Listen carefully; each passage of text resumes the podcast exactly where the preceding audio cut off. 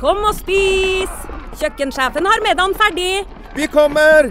Vi skal bare Åh, det er da så morsomt her på Stiklestad! Ja, men sjøl en god viking må ha både mat og hvile. Og dessuten kan dere nå være noen dager. Velkommen til Scandic Stiklestad. Moderne fasiliteter i historiske omgivelser. Det var her det skjedde. Det er her det skjer.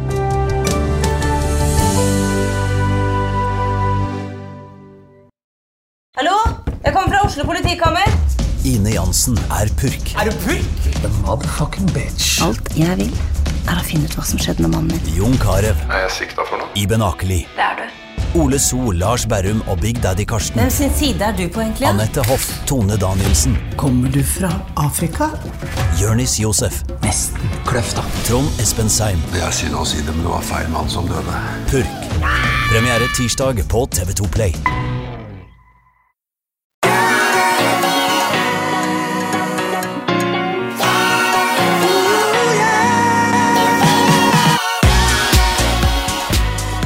Velkommen til podkasten Hjernesterk. Eh, Rolf Harald Haugen, du er med oss i dag. Ole Petter, du har invitert eh, Rolf Harald med oss i dag. Og Kan ikke du bare kjapt ta litt om anledningen for, eh, for, for at vi har gjest i dag? Ja da, for, for dette er en, både en kjekk og en talefør eh, mann, så har vi han med fordi vi eh, ønsker å snakke litt om noe som har opptatt oss eh, flere ganger i denne podkasten, Mats. Og det er jo rett og slett hvordan kan vi få brukt trening som medisin mer i helsevesenet for å bedre folkehelsa. Og Rolf Harald han eh, er en del av teknologiselskapet Able, som han skal få lov å fortelle litt mer om. Um, I tillegg så er han sykepleier, og Abel er involvert i et større forskningsprosjekt hvor man skal se på effekten av veiledet fysisk aktivitet. Rett og slett at man kan få trening på resept for å se hvordan det påvirker helsa, og også samfunnsøkonomien i det. Det er utgangspunktet. Det er eh, spennende. Eh, Rolf Harald, eh, kan ikke du fortelle litt uh, dine tanker rundt det Ole Petter sa her nå, da, rundt dette her med, med veiledning? altså Forebygging vet vi, det har vi snakket mye om, det er kjempebra.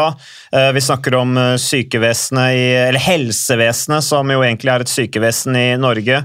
Uh, vi snakker om dette her å, å følge opp pasienter både før og etter behandlingen, kanskje for å øke effekten av behandlingsoppholdet når de først er på behandling. Vi har snakket annet mye om Modum Bad eh, rundt det. Um, min far, eh, Johan Kaggestad, starta i 1996 som kultursjef i Modum kommune, landets første frisklivssentral. Um, eh, trening på resept.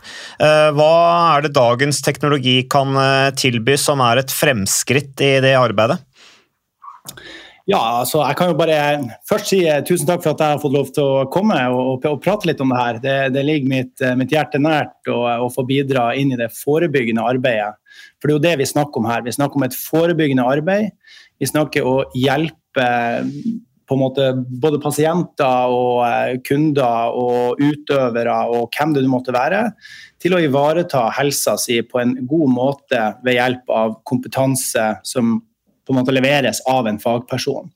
Og det vi har gjort i, i Able, det er å lage en plattform som består av flere deler eh, som sammen fungerer i lag eh, på en sånn måte at den enkelte får den hjelpa de trenger på en systematisk måte. Og aktiviteter og eh, kosthold og trening og, og øvrige forhold registreres slik at det gis et overblikk til fagpersonene som følger deg og som på en måte tar et ansvar eh, for at du skal få en bedre helse. Så eh, Kort oppsummert så er det egentlig en plattform eh, som består av ulike elementer og funksjoner som gjør at du motiveres til å ta vare på helsa di på et høyere nivå enn tidligere.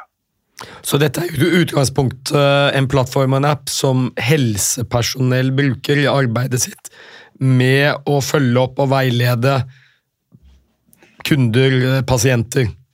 Helt riktig. Det brukes, det brukes av både fagpersoner innenfor helse, som leger, som fysioer, som sykepleiere, som min egen del. eh, og eh, personlige trenere, og det brukes av klinikker. Og det er flere nivåer i plattformen som gjør det mulig å ha en helhetsoversikt over eh, individer og grupper, grupper sin utvikling. da. Mm. Det høres jo veldig sånn effektiviserende ut, da, Rolf Harald. fordi hvis man skal fysisk følge opp personer. Den tradisjonelle måten å følge opp pasienter på er at man møter opp et sted, og så, og så får man veiledning der man er, eller blir behandlet der man er. Eh, noe sier meg at eh, når man tar teknologi til hjelp, så kan én person følge opp langt flere mennesker, og at det kan være ganske kostnadsbesparende.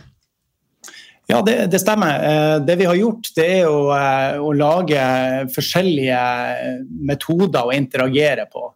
Eh, for det første er det jo det, det tradisjonelle at man, eh, man, samtaler, gjerne på telefon og aller helst video. Eh, for mine kunder, som jeg følger opp primært på mandager og tirsdager, så er det utelukkende video. Og Da får man jo et helt annet inntrykk av sinnsstemning, av kroppsspråk og av om det er henholdsvis stolthet eller litt hva jeg skal si, mangelfull tilfredshet med resultatene siden sist. Man får en helt annen eh, forbindelse og en helt annen dialog med dem man følger opp. Eh, og jeg har eh, primært eh, benytta meg av eh, den typen tjeneste som vi har kalt helse-PT online. Og det betyr at man, eh, man, leverer en helhetlig oppfølging som ikke bare handler om trening eller aktivitet. Det kan handle om søvn, det kan handle om stressmestring, det kan handle om ernæring. Rett og slett å bare vurdere hvor den enkelte er i sitt liv eh, den uka her, da, for å si det helt enkelt. Og De regelmessige samtalene gjør jo at man etter hvert eh, blir ganske godt kjent. Eh, og at, at man etter hvert klarer å bidra og forstå den enkeltes liv ganske godt. Og I tillegg til det så er det jo sånn at jeg jobber jo på en sånn måte at jeg ser langsiktig på ting. Så det er gjerne seks måneder, det er gjerne tolv måneder og kanskje enda lengre tid enn det. Så denne appen, den er nå Eller denne plattformen, den brukes nå for å se om den kan brukes inn i arbeidet mot eh, det å få legers mulighet, lege får mulighet til å henvise pasienter til veiledet fysisk aktivitet. Altså rett og slett at vi som jobber i primærhelsetjenesten, kanskje først og fremst fastleger, da på sikt kan få muligheten til å henvise våre pasienter, og kanskje spesielt de som enten har utviklet livsstilssykdom eller er i risikosonen for å få det, at de da kan bli henvist til veiledet fysisk aktivitet. Mm. Kan ikke du si litt om det forskningsprosjektet som nå um, er i gang ved Norges idrettshøgskole? Ja, det er jo et, eh, et stort uh, prosjekt. Det er 200 pasienter eller personer som deltar i det. Og der er det BMI over 30 og at du er kvinne som er to av de viktige inklusjonskriteriene. Og Der er målet å se gjennom ulike metoder og gjennom ulike faglige nivå hos coachen hva som skal til for å skape en atferdsendring. Eh, og Det som er interessant eh, med det prosjektet, det er jo at eh, man følges opp på en tett måte, og man følges opp over tid. Og så ser man hvordan resultatene er gjennom kontinuerlig logging i plattformen. Så det er ikke bare den treninga du gjør sammen med coachen, men det er også det du gjør utenom, som også legges til grunn for de eventuelle endringene som måtte komme. Og eh, jeg kan jo nevne at Innledningsvis så ble det jo rekruttert eh, utrolig mange pasienter på bakgrunn av eh, noen eh, poster vi hadde i sosiale medier. medier og, eh, og, det gjorde jo at vi forsto eh, ganske raskt at interessen var enorm. For det kom opp mot 1000 interessenter på bare noen få dager som ønska å være med i denne forskninga. Eh, og det var jo litt sånn begrensa eh, distribusjon på den kommunikasjonen, men allikevel så var det en overveldende interesse å spore eh, fra befolkninga eh, generelt. Så det var eh, utrolig interessant å registrere at dette er noe som ønskes. Dette er en tjeneste som, eh, som man kanskje har behov for.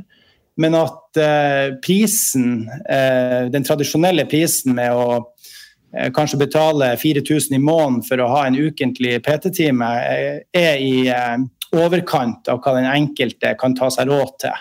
På tross av at det er et behov eh, for å få en bedre helse, så har man kanskje ikke de, de ressursene. da. Men bare et spørsmål, eh, Rolf Harald, som bare eh, meldte seg opp i hodet mitt når du begynte å snakke. Eh, Hvorfor kvinne, og hvorfor var det du sa pluss 30? var det du sa? BMI pluss 30. Ja, BMI, BMI var det. Ja, altså BMI 30 og kvinner. Hvorfor ikke menn? BMI Ja. Nei, altså Det var jo rett og slett for å bare avgrense gruppa litt eh, og gjøre det litt enklere å eh, på en måte nå ut til en bestemt eh, gruppe. da. Det vil jo komme annen forskning litt senere, og det vil jo komme nye prosjekter. Dette er i første omgang et, et, et forprosjekt mot et enda større forskningsprosjekt som vi er på trappene med, med å planlegge. Da. Så, så vi ser jo for oss å bidra framover med, med forskning på flere områder, der eh, eh, overvekt er ett av dem. Eh, så kan man liksom tenke, som Ole Petter og som dere har vært inne på i, i podkastene tidligere, at det er, et, det er jo et stort behov for å få litt hjelp eh, i, i, i mange pasienters liv. da på bakgrunn av at vi har en endring og en livsstilsutfordring i befolkninga generelt. Jeg tenker at Litt av poenget med denne studien det er jo eh, å se i hvilken grad det å få tett og veiledet oppfølging bidrar til en atferdsendring i større grad enn det den normale måten å jobbe på i dag i helsevesenet gjør. Det vi eh, som fastlege gjør, er jo ofte at vi gir informasjon, råd, til pasientene om hvor viktig det er å bevege seg. og Stort sett så vet jo det, pasientene dette fra før. Uh, og, og det er vanskelig å få folk til å endre atferd. Så tanken her er jo å se på Men hva skjer hvis du blir fulgt opp ganske tett av en fagperson? Hvor mange er det da som klarer å endre atferd over tid, sammenlignet med en kontrollgruppe som bare får vanlig råd og informasjon? Og dette kunne jo like gjerne vært pasienter med høyt blodtrykk, pasienter med diabetes type 2, det kunne vært menn. øh, Mentale lidelser. Ja da. Men eh, så ikke sant, Én, er dette effektivt? Og det tror vi jo selvfølgelig at det er. Vi tror det spiller en rolle å få en fagperson til å følge deg opp. Neste spørsmål er jo er det kostnadseffektivt samfunnsøkonomisk. Eh, klart Skal du få en oppfølging av en PT eller en annen fagperson som har kunnskap om fysisk aktivitet, så koster det penger. Som kanskje mange ikke har råd til å få til privat, men hvis man kan ta dette på trygdens regning, så er det en helt annen sak. Og så må vi huske ja, det er dyrt å få oppfølging av en fagperson, men sannsynligvis enda dyrere å være inaktiv for samfunnet. Det koster altså samfunnet vårt 300 og 239 milliarder kroner hvert eneste år. Eh, Og hvis du gjør litt regnestykke på det, eh, og ser på hvor mange nordmenn som er inaktive Hvis du hadde klart å løfte én nordmann, voksen, mann eller kvinne, fra inaktivitetsgruppen til å bli aktive, dvs. Si at de oppfylte myndighetenes anbefaling om 150 minutter i uka, så ville samfunnet omtrentlig spart 1 million kroner per person per år. Ja, det, de, de regnestykkene eh, har vi jo eh, sett nærmere på. Eh, vi har gjort vurderinger og, og sett eh, hva både folketrygden, altså i Helfo kanskje i dette tilfellet, og, og hva man sammen kunne, kunne fått til ved et spleiselag. Eksempelvis med at arbeidsgiverne også hadde bidratt inn i dette regnestykket. For, for eh, en sunnere befolkning er jo oftere på jobb eh, enn en befolkning som har eh, masse utfordringer knytta til helse og livsstil. da. Eh, Men det som er interessant, og som jeg har gjort erfaring på sjøl, for jeg følger opp mellom 30 og 40 eh, pasienter eller kunder sjøl som, som betaler det her eh, av egen privat lomme, det er, det er rett og slett at den ansvarliggjøringa som blir gitt, er, er mye av eh, løsninga.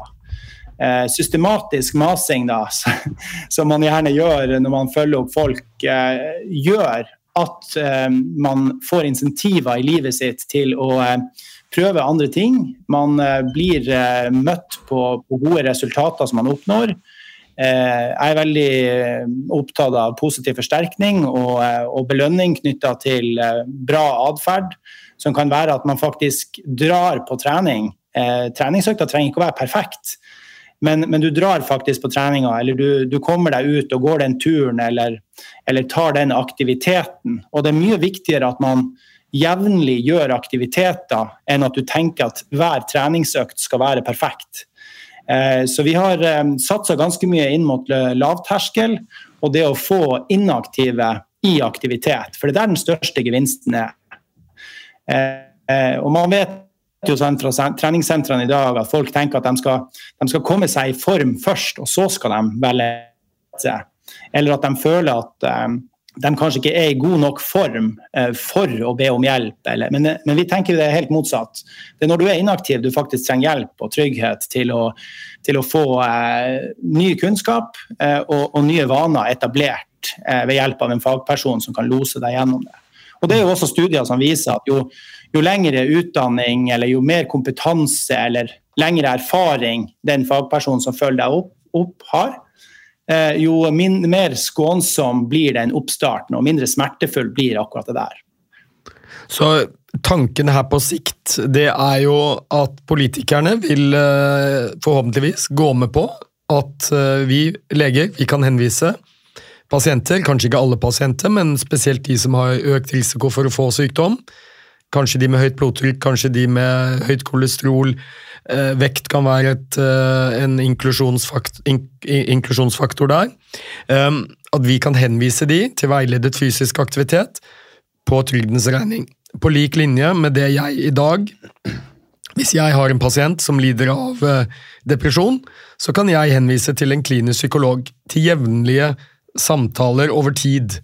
Det er selvfølgelig dyrt. Det tas fra trygdens regning. regning. Og jeg tror jo det, at uh, hvorfor skal vi ikke kunne henvise til fysisk aktivitet, som vi vet er en nøkkel for å ivareta god helse. Det er effektivt for å behandle sykdom, det skaper bedre livskvalitet, hverdagsfunksjon.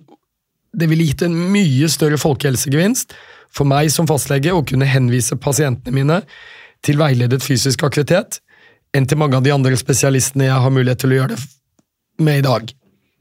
Det er jeg rimelig sikker på. Eh, jeg syns det er litt interessant uh, altså Dette her er logisk, uh, syns jeg er ganske logisk, men det handler jo bare om å effektivisere da, og gjøre ting litt altså kostnadsbesparelser. Vi vet jo Modum Bad har jeg nevnt mye av bakgrunnen for det at jeg er vokst opp rett i nærheten der både min mor og far har jobba der, og de drev banebrytende arbeid med fysisk aktivitet innenfor psykiatrien der.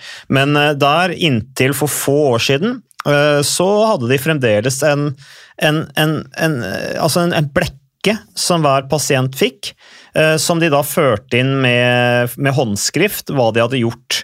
Eh, og det er jo gjort mye undersøkelser på at dette her for å skape en livsstilsendring, så er dette her å notere ned hva du gjør, eh, både i forhold til kosthold og, og, og fysioterapi, er viktig for videre motivasjon.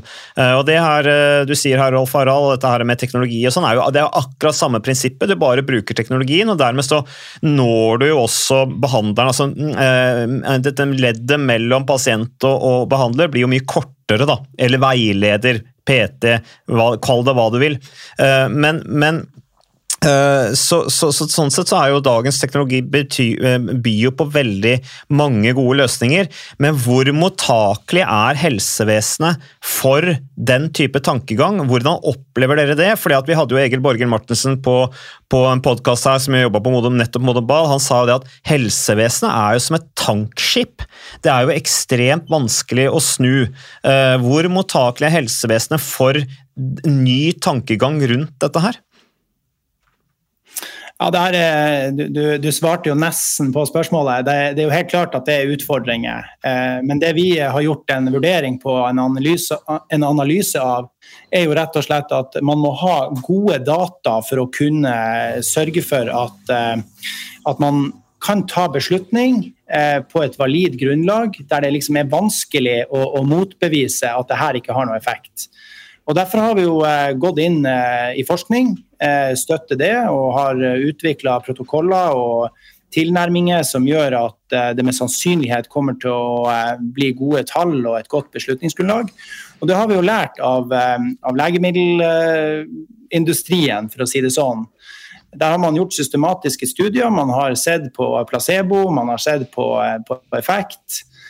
Eh, og man har gjort vurderinger over tid veldig systematisk. Eh, det mangler jo faktisk på trening. Eh, man har ikke gjort en vurdering knytta til eh, hyppighet av aktivitet, veiledning.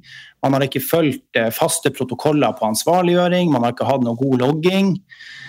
Og man har i, i, liten grad hatt forskning som har pågått over tid, som har vært systematisk, der samme fagperson kanskje har fulgt det. Så det her blir veldig interessant. Ukas annonsør det er uh, HelloFresh. Og uh, hvis du nå går inn på hellofresh.no og bruker koden 'fresh hjerne', så kan du få opptil 1779 kroner rabatt på da de fem første matkassene dine hvis du ikke har prøvd Hello Fresh enda. Og Ole Petter, vi er jo glad i Hello Fresh i podkasten Jernsterk, selvfølgelig fordi at de er en annonsør. De er med og bidrar til å spre det glade ordet om fysisk aktivitet og god helse, men i tillegg så har jo vi også nå lang erfaring med Hello Fresh eh, selv. Så vi må jo si at det har vært gode erfaringer til nå. Ja, absolutt. Visste du Mats, at HelloFresh det er faktisk verdens ledende matkasseleverandør? og Tilbudene til HelloFresh gjør det enkelt å lage gode og varierte retter som skaper matglede. Og matglede vet du, det er like viktig som hva du putter i munnen. Det å spise mat med folk du trives med. Så gjennom 25 nye og inspirerende retter hver uke så bidrar HelloFresh til dette. Du kan bestille ekstra porsjoner om du får gjester, eller hoppe over uke hvis du f.eks. skal bort. Mm. Og Det er ingen bindingstid, og du velger leveringstidspunkt og dag selv, så leverer Hello Fresh matkassen din akkurat når det passer deg. Ikke dårlig, Mats. Nei, det er veldig bra. Så, eh, og dette er med enklere hverdag, det kan jeg nå skrive under på. For nå, forrige erfaring vi hadde forrige uke, Ole Petter, det syns jeg var Det var jo et gjennombrudd eh, for familien Kaggestad. For da lagde rett og slett barna de lagde middag og serverte middagen, så den var ferdig laget og servert da når eh, min kone Marita og meg kom hjem fra jobb. Og jeg mener Det var jo bare helt utrolig. Eh, det var helt fantastisk. Det ble en nydelig middag. Riktignok de, de, de, de roter og søler litt, det gjør de. Så, men, men, maten ble veldig god. De var veldig stolte over å kunne ha både laget og servert maten, så det var helt fantastisk. Så vi har jo da i det siste så har vi eh, spist eh, bl.a. sitron- og dillstekt hyse med ovnsbakte grønnsaker og aioli. Eh, vi har spist middelhavsinspirert kylling. Taco, så finnes det mange ulike typer taco, f.eks. vietnamesisk taco, som vi har spist. Thailandsk vegetargryte. Veldig riktig og sunt uh, i dagens uh, samfunn med, fokus på bærekraft. Hvitløk og chilistekte reker i spagetti, det var definitivt en vinner. Så det er så flott. Du får rimelig mat ved at du kun betaler for det du trenger, så det blir ordentlig feststemning med Hello Fresh. Det gjør det, og nå er det bare for deg å gå inn på hellofresh.no og bruk koden 'fresh hjerne'. Da får du opptil 1779 kroner rabatt på de første fem matkassene dine hvis du ikke allerede har prøvd HelloFresh. Du kan også bruke rabattkoden hvis du har stoppet abonnementet ditt for tolv måneder siden eller mer. Er det noe å lure på? Håper maten smaker godt. Bon appétit! Å og se resultatene av. Ehm, og, eh, personlig så tror jeg jo at eh, systematisk masing og ansvarliggjøring i kombinasjon med, med logging og faktisk progresjon vil kunne skape atferdsendring. Om den er varig eller ikke, det kan man jo kanskje eh, på en måte diskutere, men det er viktig å fase folk inn i nye miljøer, eh, nye områder, nye eksponeringer og, eh, og nye forståelse for egen kropp og for aktivitet. Og bare én ting jeg skulle si, Ole Petter, før du sier noe her. Eh, For det første, eh, Rolf Harald, er, masing er jo litt sånn negativt lada ord. Jeg vil jo heller si systematisk oppfølging. Eh, Det er jo det man trenger, og, og hvor lenge det varer, som du sier. Altså, det her er jo en mulighet til å skape varige endringer over tid, og faktisk skape rutiner også i forhold til å følge opp. At man gjør riktige valg som skaper mestringsfølelse osv. Men, men hva var det jeg skulle si nå? At det var Nå, nå mista jeg helt poenget, men, eh, men eh, ja, Ta ditt, Ole Petter. Mitt, Glemte jeg rett og slett hva jeg skulle si. Du, du kommer nok på det. Ja. Eh, Du stilte et spørsmål både til Rolf Harald og meg om mm. hvor sannsynlig er det at vi får gehør eh, for dette forslaget om trening på resept. Og som Rolf Harald sa, så tror jeg det er en lang vei dit. Ja, og Det- der, ja, der var poenget mitt også, Ole Petter. Dette er Rolf Harald sa om forskning. Eh, fordi at eh, det er ikke lenge, Man leser stadig i avisen om dette her med blant annet, Vi har snakka om gym på skolen, de tinga der, eller aktivitet på skolen. Eh, men det mangler forskning. Altså, Er ikke det ganske utrolig at vi mangler forskning på gevinsten av fysisk aktivitet? Eh, Altså, Hva skal til da for å, å, å, begrunne eh, Eller for, å, for å skape den, det, det materialet man trenger da, for å overbevise? Ja, jeg tror ikke vi behøver å overbevise noen om at fysisk aktivitet er bra for helsa. Det vet alle. Det er godt dokumentert. Men det vi må overbevise politikerne om, hvis vi ønsker å få muligheten til å henvise pasientene til veiledet fysisk aktivitet, det er jo kost-nytte-perspektivet. ikke sant? Hvor mye koster det? Hvor mye koster det å henvise 1000 pasienter i året som har BMI over 30? Hva koster det at de skal følges opp av en PT i så og så lang tid? Versus samfunnsgevinstene ved at de holder seg friskere, for det vet vi at de kommer til å gjøre. Hvis de klarer å endre atferd. Det er jo det dokumentasjonsgrunnlaget politikerne trenger å få. Um, og jeg, det, det må vi ha. Det holder ikke å si at vet du hva, det er kjempebra å trene, det er godt dokumentert at det er bra for helsa, la oss kunne henvise pasientene på trygdens regning. Her må man gjøre grundige vurderinger på effekten versus kostnaden på det. Og så er det jo alltid noen som sier ja, men vi har jo trening på resept, vi har jo grønn resept. Og det har jo veldig mange hørt om, men det er ikke alle som vet hva det er for noe. Så jeg tenkte jeg bare skulle si kort noe om det. Eh, og det er jo et prosjekt som startet i 2003. Daværende helseminister, far til røykeloven, Dagfinn Høybråten fra KrF, som lanserte et, en mulighet for fastleger til å snakke om fysisk aktivitet eller kosthold, istedenfor å sette pasienter på medisiner. Så det var rett og slett en takst, en mulighet for fastlegene til å tjene litt ekstra penger, ca. en hundrings, per pasient, og det kunne du gjøre to ganger per pasient per år. Hvis en pasient kom til meg med høyt blodtrykk, kanskje høyt kolesterol, kanskje hadde overvekt, så kunne jeg få en hundrelapp ekstra hvis jeg istedenfor å ta fram reseptblokken, nevnte fysisk aktivitet som et behandlingsalternativ, eller kosthold.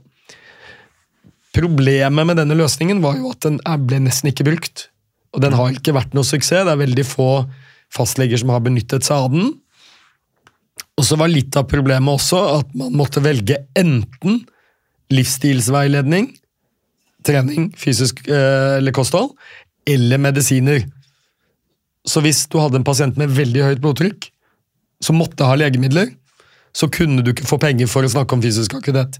Altså, Du kunne ikke få begge deler. Nei, og det, er- Nei. det er jo helt tullete. Det er jo Nei. ikke sånn at vi skal velge enten trening eller medisiner. Vi må bruke alle de verktøyene vi har. Ja. Og selv de som står på legemidler, har jo god effekt av trening.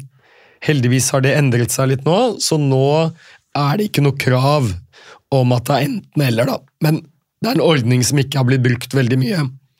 Um, I Sverige så har de siden 2001 hatt uh, trening på resept. FAR heter det. Fryktelig dårlig stemme i dag, men um, og I dag der- også. Ja, og det er veld, veldig godt uh, dokumentert. Og det har vært svært nyttig. Fått langt flere svensker til å bli fysisk aktive. Og det er rett og slett legenes mulighet til å henvise til uh, fysisk aktivitet. Både veiledet og ikke veiledet. Eh, men eh, Rolf Harald, eh, dere har jo lært av legemiddelindustrien, sier du, med at dere dokumenterer gjennom forskning og setter i gang store forskningsprosjekter med mange forsøkspersoner som rekker opp hånda og gjerne vil være med på dette her, fordi at de ser ved muligheten til å kanskje få det lille kicket eller den lille inspirasjonen til å faktisk komme i gang og få veiledning, bli sett. Det er kontinuitet på det. Det er en enkel løsning som gjør at mange kan være med, men, men det må jo koste veldig mye penger? Altså, hvem er det som støtter denne forskningen her? Tas det av private lommer, eller får dere noe hjelp fra det offentlige? Her er det jo flere som er med på å på en måte betale kaka. For det første vil jeg jo ta opp Forskningsrådet sitt bidrag. det er også finansiering gjennom treningssenterkjedene, som sponser medlemskap, bl.a. vi tar en del av regninga knytta til lønn. Eh, og man får bruke plattformen både som sluttbruker og som eh, fagperson helt gratis. Og, det betyr jo at eh, det blir et felles spleiselag for å få det her til. I neste prosjekt så må nok treningsbransjen ta en enda større del av, av, av kaka og, og, se verdien i, i enda større grad. Eh, enn det som har vært eh, gjort til nå. Men, eh, men også PT-ene er, er, jo flinke til å gjøre en god innsats og tenke at det her er faktisk en investering for framtida. Dette er noe som beviser at vår yrkesutøvelse er relevant i en folkehelsekontekst og kan bli et eksempel til etterfølgelse. Der er det jo gjort eh, et ganske stort kvalitetsarbeid med å, med å, sikre og selektere og sørge for at de coachene som er med her, og de PT-ene som har tatt eh, det ansvaret og på en måte oppfylle de kravene, at de, at de leverer på et eh, høyt nivå.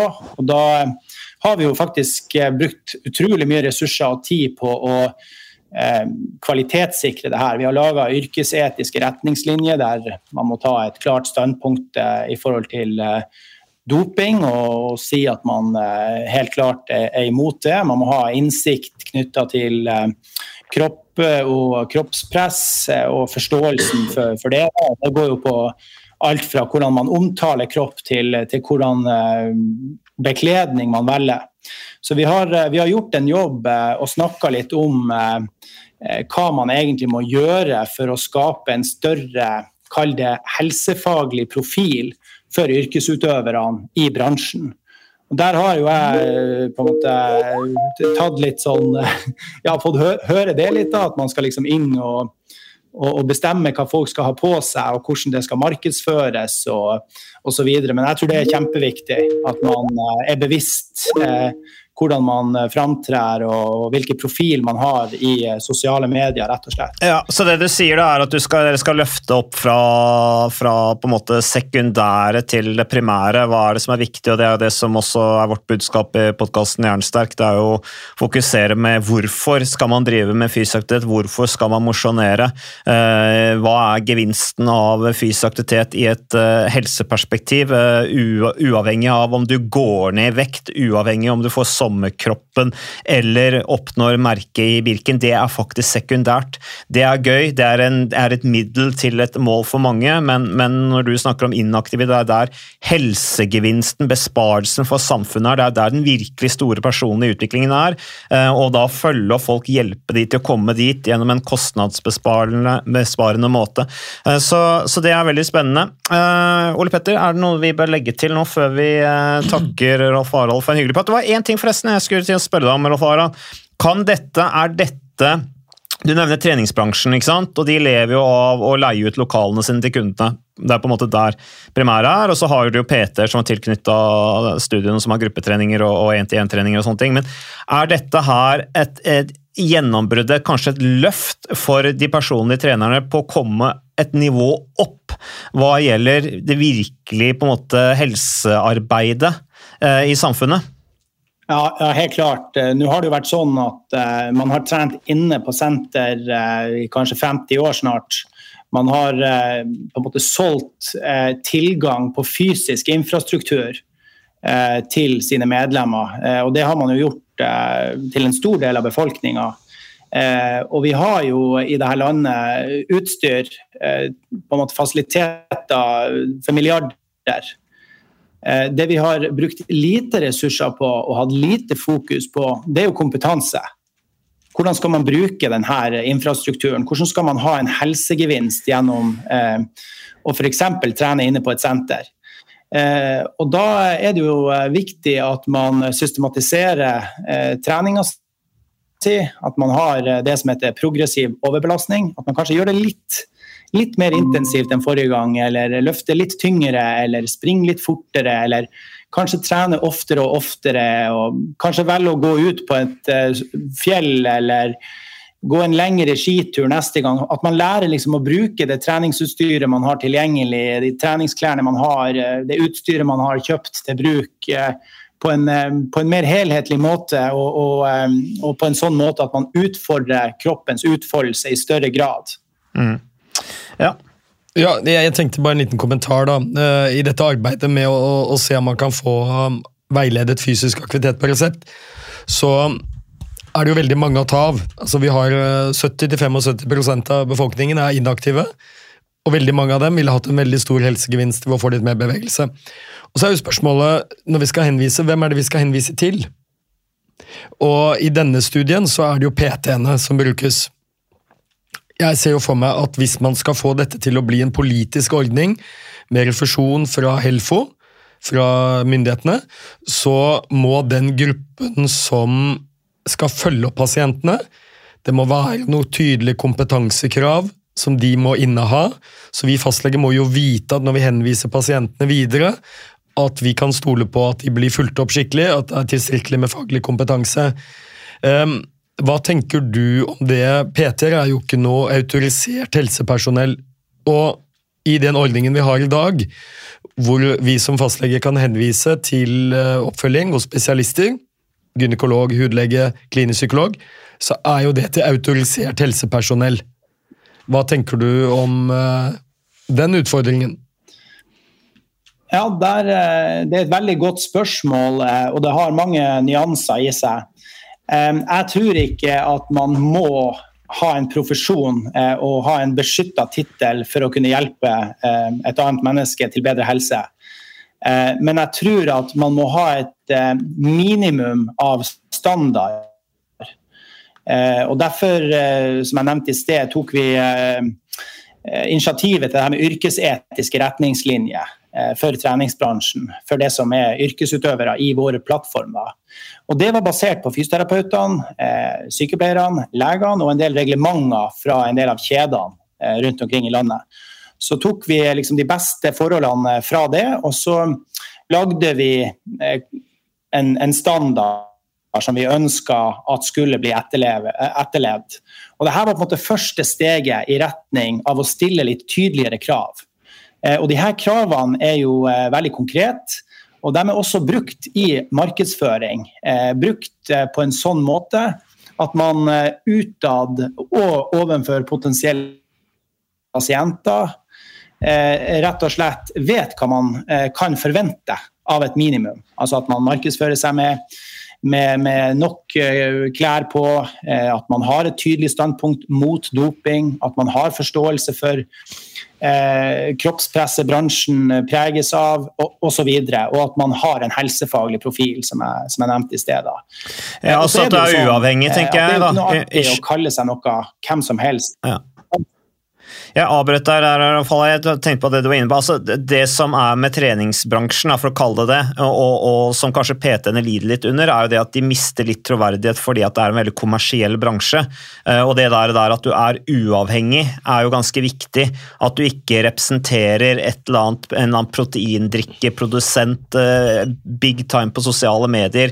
Eh, at, at, for, for, ellers så blir det jo vanskelig, kanskje Det blir kanskje litt uspiselig for helsevesenet helsevesenet hvis man skal samarbeide med folk som har store kommersielle interesser, og kanskje følger opp 1000 mennesker, da, bare for å ta et tall?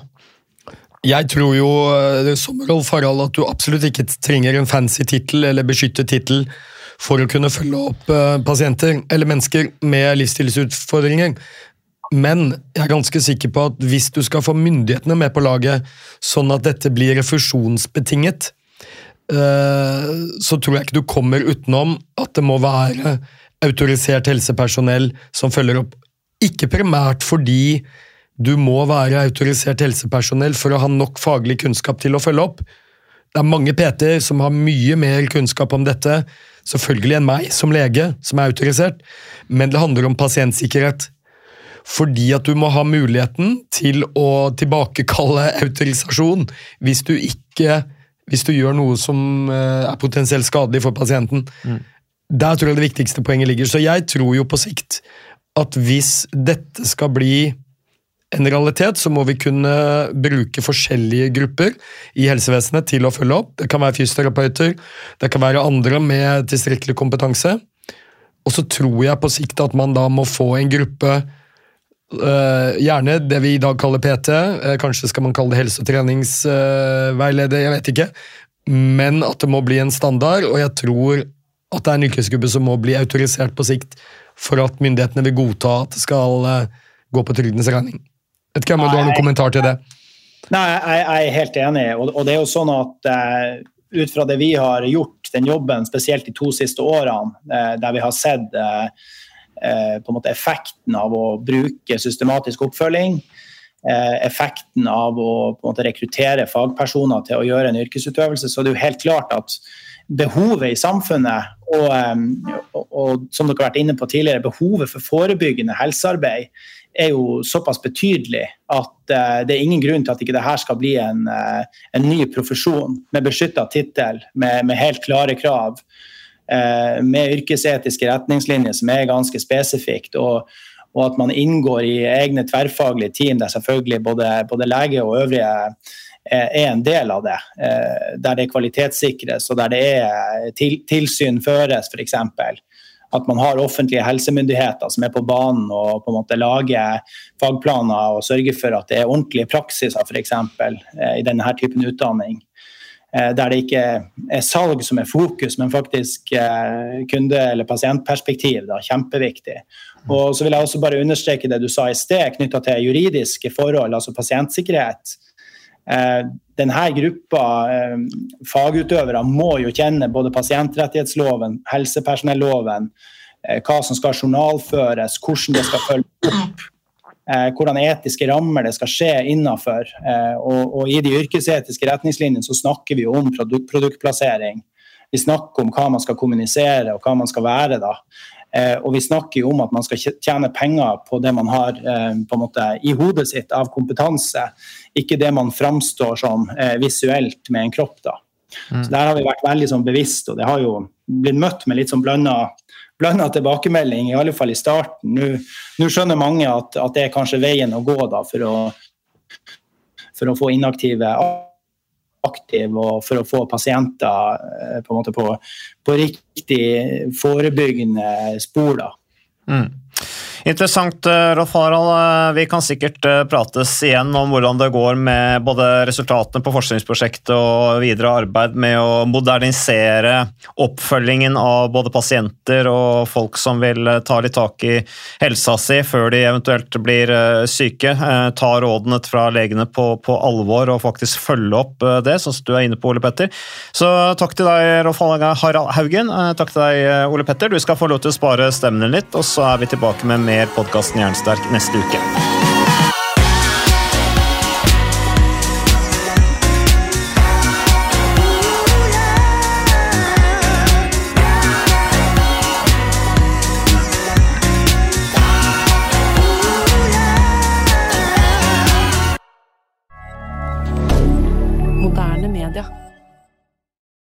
Har du et enkeltpersonforetak eller en liten bedrift? Da er du sikkert lei av å høre meg snakke om hvor enkelt det er med kvitteringer og bilag i fiken, så vi eh, gir oss her, vi. Fordi vi liker enkelt. Fiken superenkelt regnskap.